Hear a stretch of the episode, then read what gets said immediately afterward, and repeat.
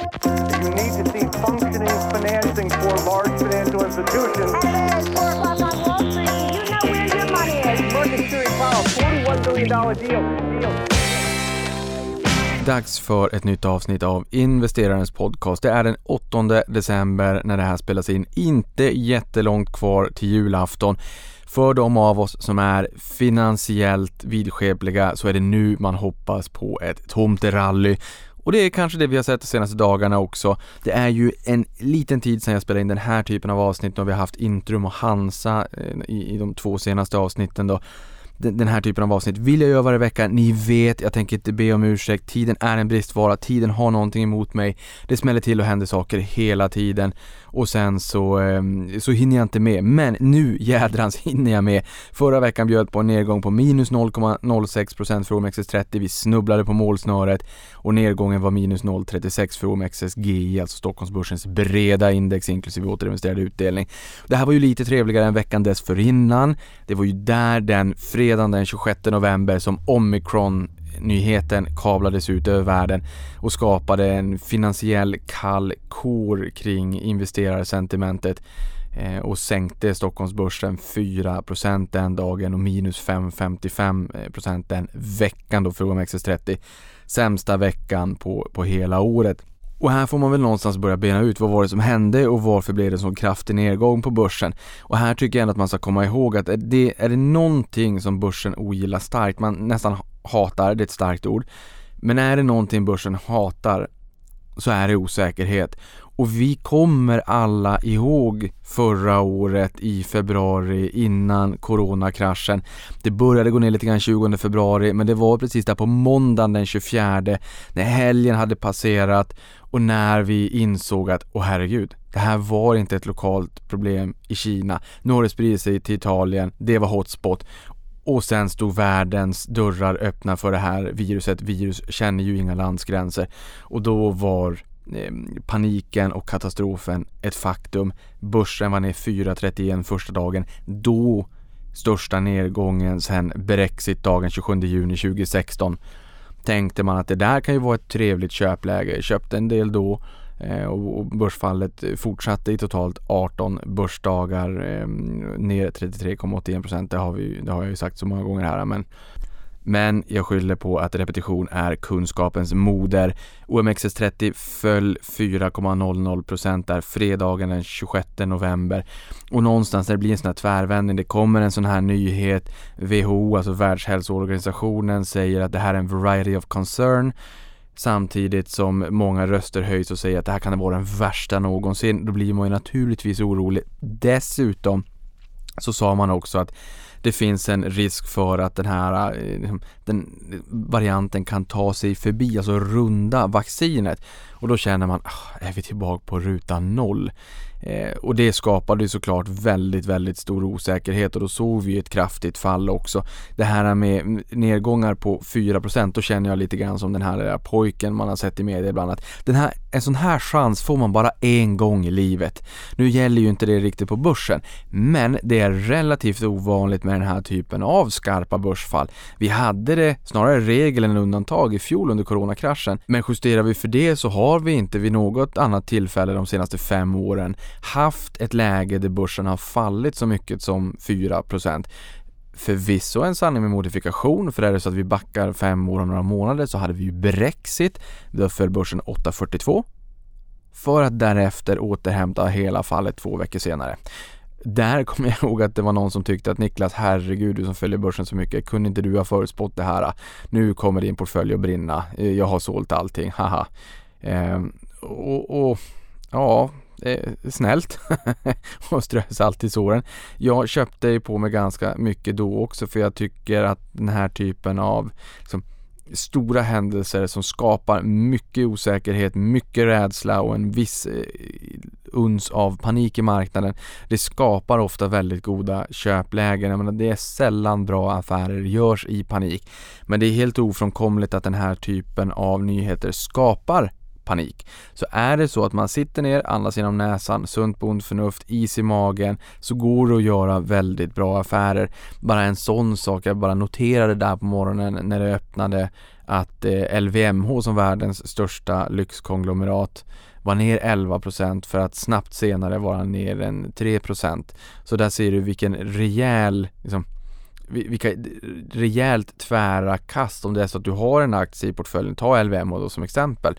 Du har den i portföljen, du har inget emot att skala upp den där även om det är så att en sån här nyhet skulle kunna vara netto negativt i det korta perspektivet ja, plockar du på den på minus 11 och den snabbt hämtar upp sig igen och stabiliseras på minus 3 då är det ganska enkelt att göra matematiken däremellan och den där typen av lägen kommer ganska ofta när det är stor osäkerhet på marknaden. Sen kan det fortsätta ner, det såg vi att det gjorde i fjol och så att säga ner 18 dagar. Så även om det är så att man köpte där på måndag när det var ner väldigt kraftigt så fick man ju fortsätta ner en, en bra resa till. Men liksom, den här typen av lägen kommer väldigt ofta när det är väldigt, väldigt oroligt på marknaden. Och vi såg där också att VIX, alltså det man kallar för skräckindex i USA, steg 54% intradag i samband med det här börsfallet också. Vilket någonstans även där, och det är ju för amerikanska börsen då, det går mot S&P 500 men visar på en rejäl osäkerhet. Och här har jag lite stat då från eh, Truist som har tittat på de senaste 19 gångerna när VIX har stigit minst 40% intradag och vad som har skett därefter. Och det visade sig att de 19 senaste gångerna sedan 1990 så har börsen stått högre ett år senare i 18 av de här fallen, 18 av 19 år då, med en genomsnittlig uppgång på 20%. Sen får man ju alltid ta hänsyn till vart det är man kommer ifrån. Vi kommer från ett läge där börsen, eh, ja, man får väl säga kollapsade. Det är den snabbaste nedgången vi har någonsin har sett i Sverige eh, i fjol då som bottnade 16 mars och sen har vi fått en rejäl uppgång och mycket finans och penningpolitiska stimulanser. Där behöver vi inte fastna för det har vi pratat om så många gånger. Eh, och börsen är upp väldigt kraftigt i år. Men det är ändå ganska intressant att se och eh, min, min takeaway, det jag vill att man ska ta med sig, det är att när det bränner till, när det hettar till, där går det att göra riktigt bra affärer eh, som inte sällan ganska snabbt kan skapa årsavkastningar om det nu är så att vi ska fastna vid någon form av 7% i kagger som ett, ett riktmärke, en tumregel för vad en, ett liksom, normalt börsår kan ge över tid. Här vill jag också påpeka, jag hade årsmöte i Aktiespararna Lidingö där jag sitter som ordförande. Vi hade vårt årsmöte nu i veckan. Det betade vi av ganska snabbt, det var väldigt trevligt och sen hade vi ju Beijer, Alma och Indutrade på plats också. Och där kollade jag på Indutrade, nu var det ett tag sedan DI skrev om dem att de hade passerat 100 miljarder och man kategoriserar ju in dem i facket och serieförvärvare.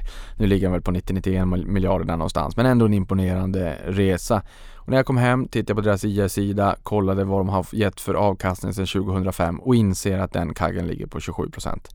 Eh, och det här är inte unikt på något sätt. Vi har ett Investor som ligger på en 15-16 sedan 87 när jag föddes. Och det jag vill säga med det är att, och man kan inte bara skylla på räntan heller. Ja, räntorna var högre på 90-talet och sen har de fallit rakt ner genom källan. Men det går inte att tillskriva börsuppgången över tid till en enkom utvecklingen på räntan eller riskpremier eller vad det kan tänkas vara. Man får inte glömma bort att det finns ett gott värdeskapande där under också. Och bara genom att kapa bort skiten, skräpet, bolagen som alltid årligen ungefär samma eh, säkerhet som att det kommer en julafton eller en födelsedag kommer med ett besparingsprogram eller en omorganisation eller någonting annat som inte har fungerat.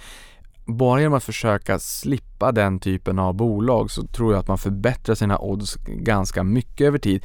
Plus att man då tar den här möjligheten när det bränner till på börsen. Som sagt, en sån här chans får man kanske bara en gång i livet. Det gäller inte riktigt på börsen. En sån här chans får man inte, eller jag säger chans, får man inte jätteofta. 4-procentiga fall är väldigt ovanliga. Eh, som sagt, när de kommer så bör man fundera om det är så att man inte vill dra nytta av dem. Sen har vi inte haft en korrektion i år, vi har inte haft en nedgång på 10% från topp till botten. Så kan man ju säga, ja men Niklas, här kommer det 4% i nedgång på börsen i och med en jättestor oro. Det kanske är obefogat eller inte. Men i och med att vi inte har haft en korrektion, spelar egentligen hastigheten i nedgången någon roll? För 4% det är väl allt annat lika ändå ganska rimligt i och med att det här året i sig är orimligt. Det är ett undantag snarare än en regel att vi inte haft en sån nedgång. Ja, men det är liksom velociteten eller hastigheten i nedgången är av stort värde. Det är egentligen samma sak som räntenivået, ta amerikanska tioåringen. Den är jättelåg idag i förhållande till vad den var 2018 när vi fick techfrossan. Och jag tycker att de senaste dagarna i omikronoron har påmint lite grann om techfrossan eller rotationen från tech till hälsovård från 29 augusti som sen vart en regelrätt frossa och som sen bottnade och vände på julafton Eh, där eh, 2018. Det var därför vi fick en rebound också på, på börsen 2019. Ett bra börsår men man ska komma ihåg att det var i, i mångt och mycket en rebound också från 2018 faktiskt. Och där ska vi komma ihåg att tioåringen toppade på en 3,30 Eh, nu i och med den här oron så har vi faktiskt varit ner på eh, paradoxalt nog varit ner. Ehm, många har flytt till räntor eh, temporärt vilket också har tryckt ner yielden eh, och där var vi nere på någonstans 1,30 ehm, på decimalen 1,30, 1,35 där någonstans. Ehm, så att den är väldigt låg och jag menar det här eh, återhämtningen vi har sett efter den informationen vi nu har fått av omikron att det verkar som att den inte är lika allvarlig då har det varit fördel techbolag där vi har sett rejäla uppgångar. Men det föregicks av rejäla nedgångar. Rejäla nedgångar ska vi komma ihåg. Och det som styr börsen just nu det är och kommer att vara nyhetsflödet kring omikron. Eh, det, det, är det som kommer att styra sentimentet och inte bara nu senaste dagarna utan även kommande veckor och kommande månader. Och jag tycker väl att det har en naturlig förklaring. De som har blivit smittade av den här nya varianten, de måste bli smittade, de måste bli sjuka, de måste återhämta sig och de måste bli friska. Och vi behöver få in data på eh, hur allvarligt det här kan tänkas bli och dessutom behöver vi naturligtvis också data på hur de vaccinen som vi har där ute som vi har vaccinerat en, en herrans massa människor runt om i världen, hur effektiva är de på den här varianten? Här ska vi också komma ihåg att eh, mRNA-teknologin har tagit ett enormt stort steg framåt här under eh, pandemin. Vi, vi pratar ofta om att börsen har tagit ett stort steg framåt. Ja, så är det ju fast Eh, börsen speglar någonstans också, också eh, den realekonomiska utvecklingen och den är ju i mångt och mycket väldigt beroende på eh, pandemiläget. När det här bröt ut så såg vi att Moderna var ganska snabba ut på att kommentera, alltså läkemedelschefen då Paul Burton kommenterade att vi kan ha ett uppdaterat vaccin i början av 2022 om det skulle krävas.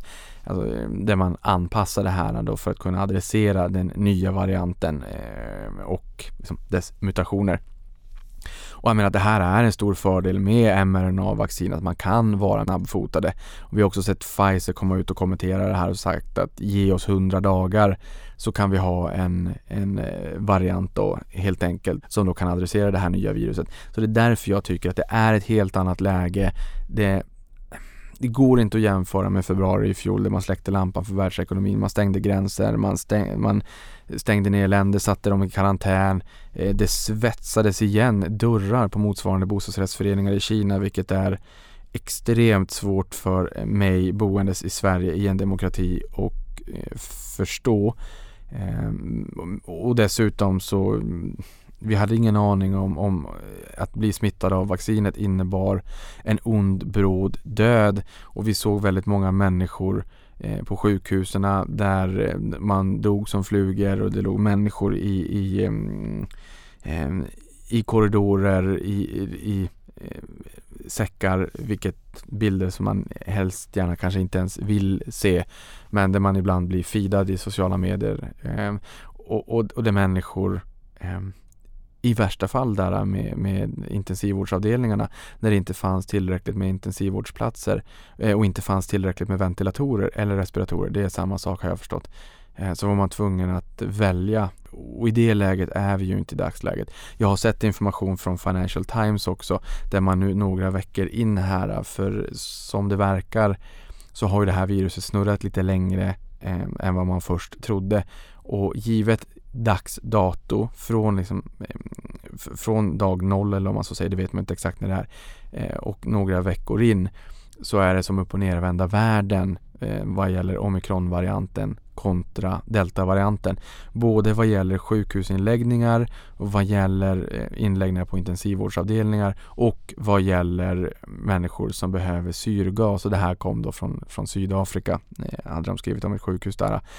Och det ger ju det inger ju hopp och det är också det vi ser i marknaden nu. WHO var ute i 3 december och sa att vi inte har någon information alls om dödsfall kopplat till omikronvarianten. Det kommer mer information som säger att ja, men det här kanske mer är som en säsongsinfluensa. Vilket också är bra därför att då är det ju inte lika allvarligt samtidigt som bara vetskapen om det här kanske kan få fler att också vaccinera sig vilket är netto positivt får man väl säga. Och givet att det här kan bli en, en mildare variant eh, Eh, så peppar peppar blir det kanske inte lika allvarligt som vad man fasade för där fredagen den 26 november när börsen föll 4% Det här har gett en rejäl riskaptit, skapat en stark rebound på börsen.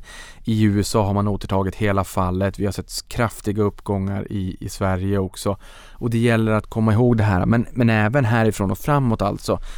Riktningen framåt kommer att vara beroende på den ökade strida strömmen av information vi får kopplat till omikron samt information kopplat till restriktioner och risken för nedstängningar etc. För det vill vi inte ha, alltså störningar i återstarten av global ekonomi. Det kommer också ha en stark påverkan och Vita husets smittskyddsexpert eh, Anthony Fauci sa nyligen till CNN att omikron inte verkade skapa allvarlig sjukdom. Deltavarianten menade de på utgör fortfarande 99,9% av samtliga dagliga nya fall i Amerikat. Det här är positivt. Nu håller vi bara tummarna också för att det här faktiskt håller för allt i världen. Det är jättetrevligt när, när börsen går jättebra. Jag var aktiv, jag vaknar till liv rejält när det är den här typen av börsfall. Då smattrar köpen i min portfölj.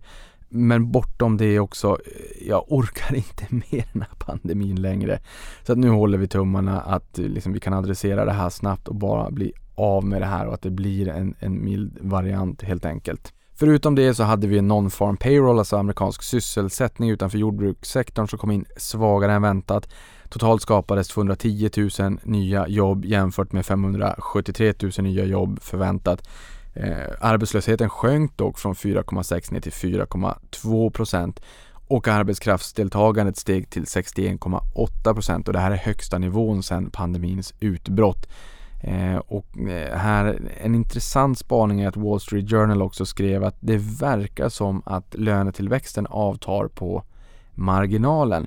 När allt fler kommer tillbaka och vill in i jobb så är det klart att då ökar ju också utbudet och inte bara efterfrågan från arbetsgivarna. Där såg man då tidiga tecken på marginalen att lönetillväxten skulle kunna tänkas avta lite grann. Och det är ett gott signalvärde för, eh, för börsen. Sen är det klart att lönetillväxten är som allra högst i de sektorer, de branscher som lider allra mest av ett underskott på, på kollegor helt enkelt. Eh, och, och, det är ofta de branscherna som drabbades allra hårdast under pandemin.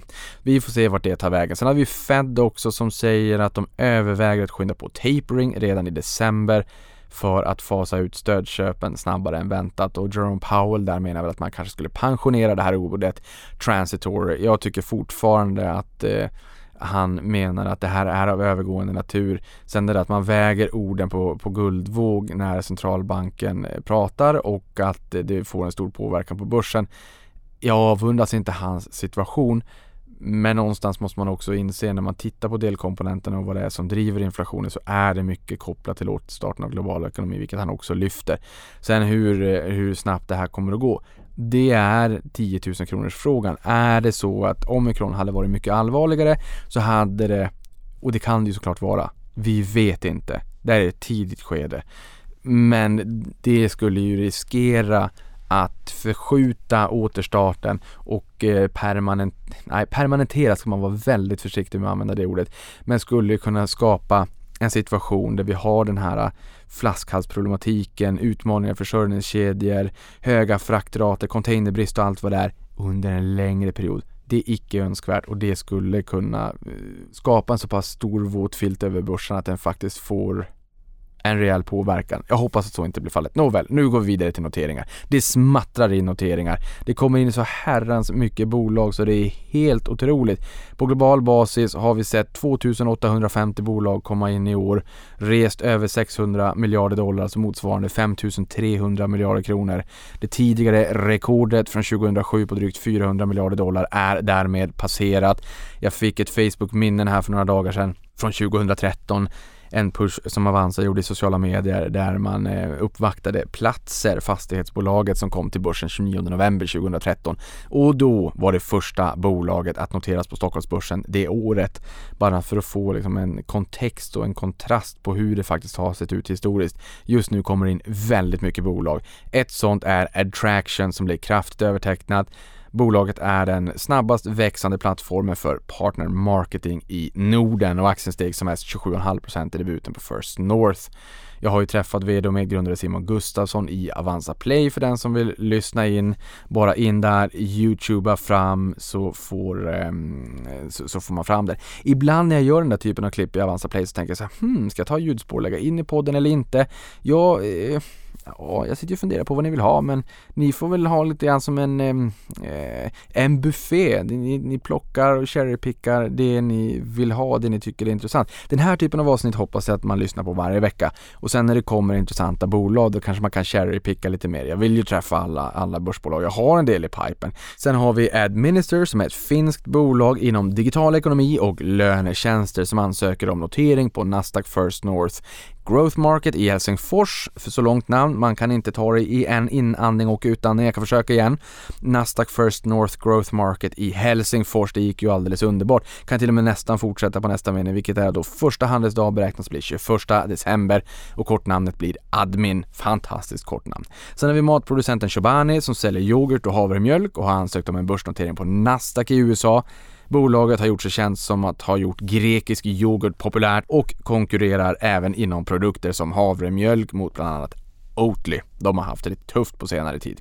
Sen har vi Solid Försäkring som debuterade som första renodlade försäkringsbolag på Stockholmsbörsen sedan 2007. Då förstår jag att det var Salus Ansvar. Det är extra intressant därför att Salus Ansvar sitter i samma kåk jag tror att det är samma kock, eller kocken, nej men det är nog samma kock faktiskt, som Stockholmsbörsen nere i Frihamnen för de som har varit och besökt, klämt och känt på Stockholmsbörsen.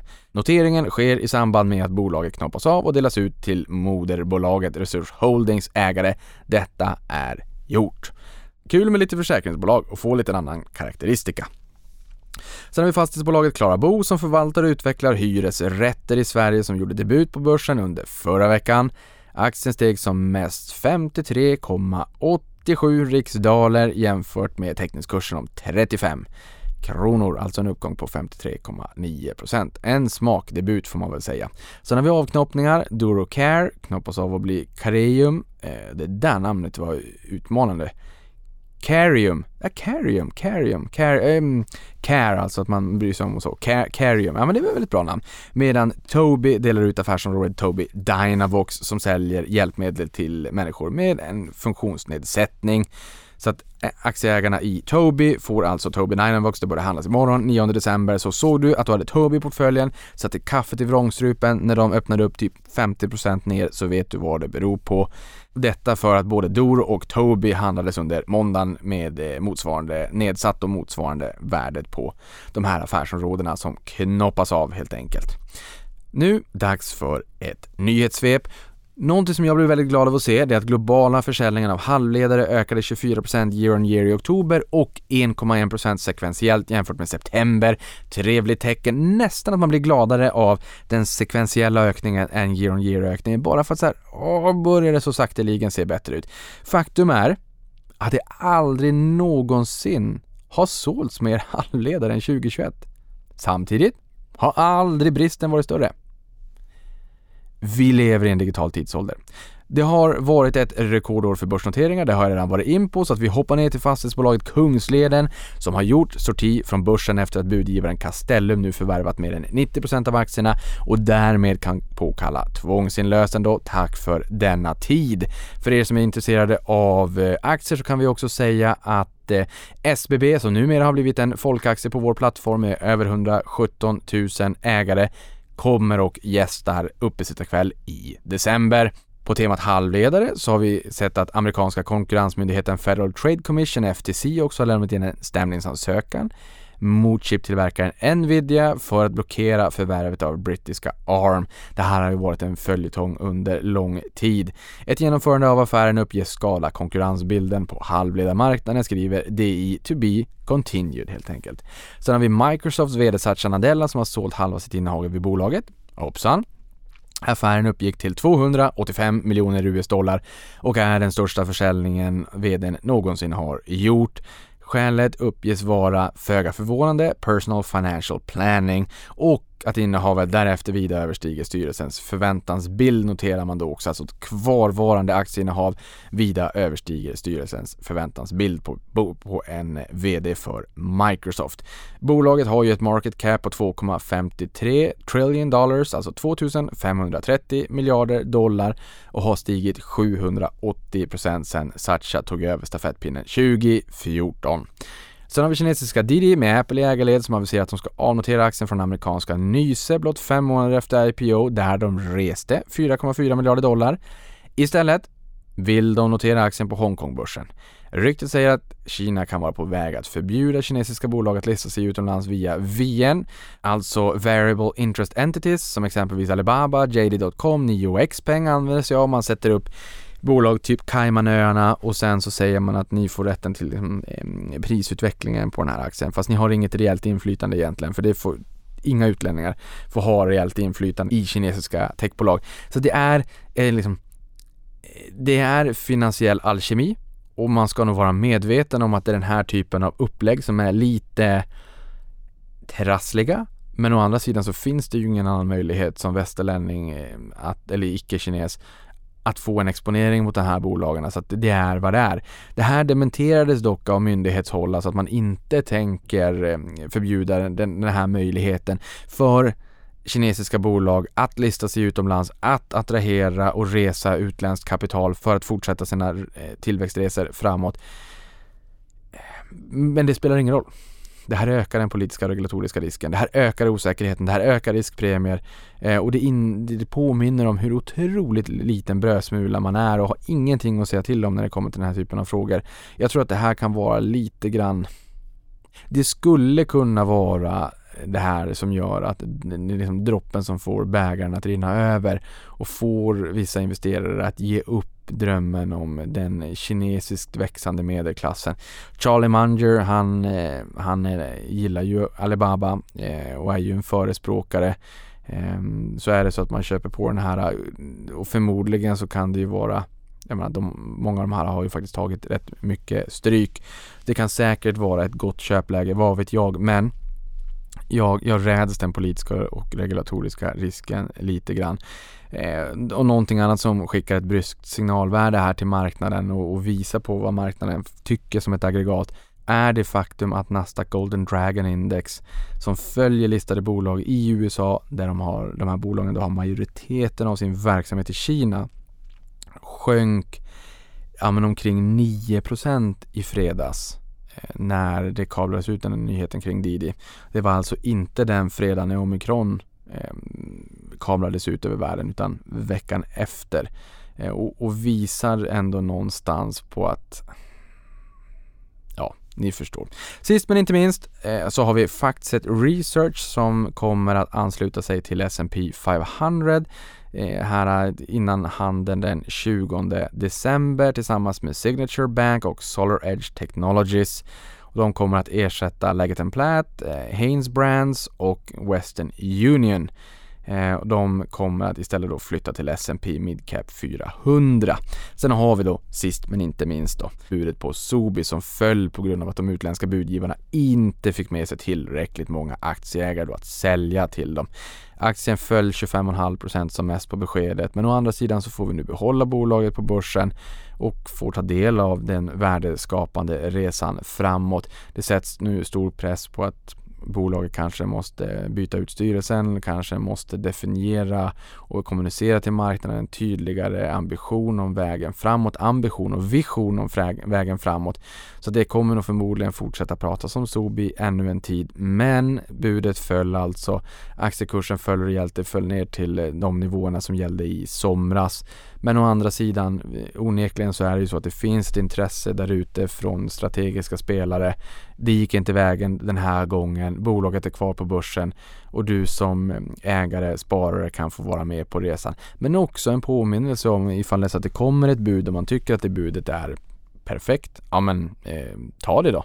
Sälj över börsen i sådana fall. Då får du betala courtage men det kanske kan vara värt det om det finns vissa villkor i budet som gör att om inte X, Y, Z uppnås, ja men då kommer, då, då är vi inte intresserade, då kommer det falla liksom.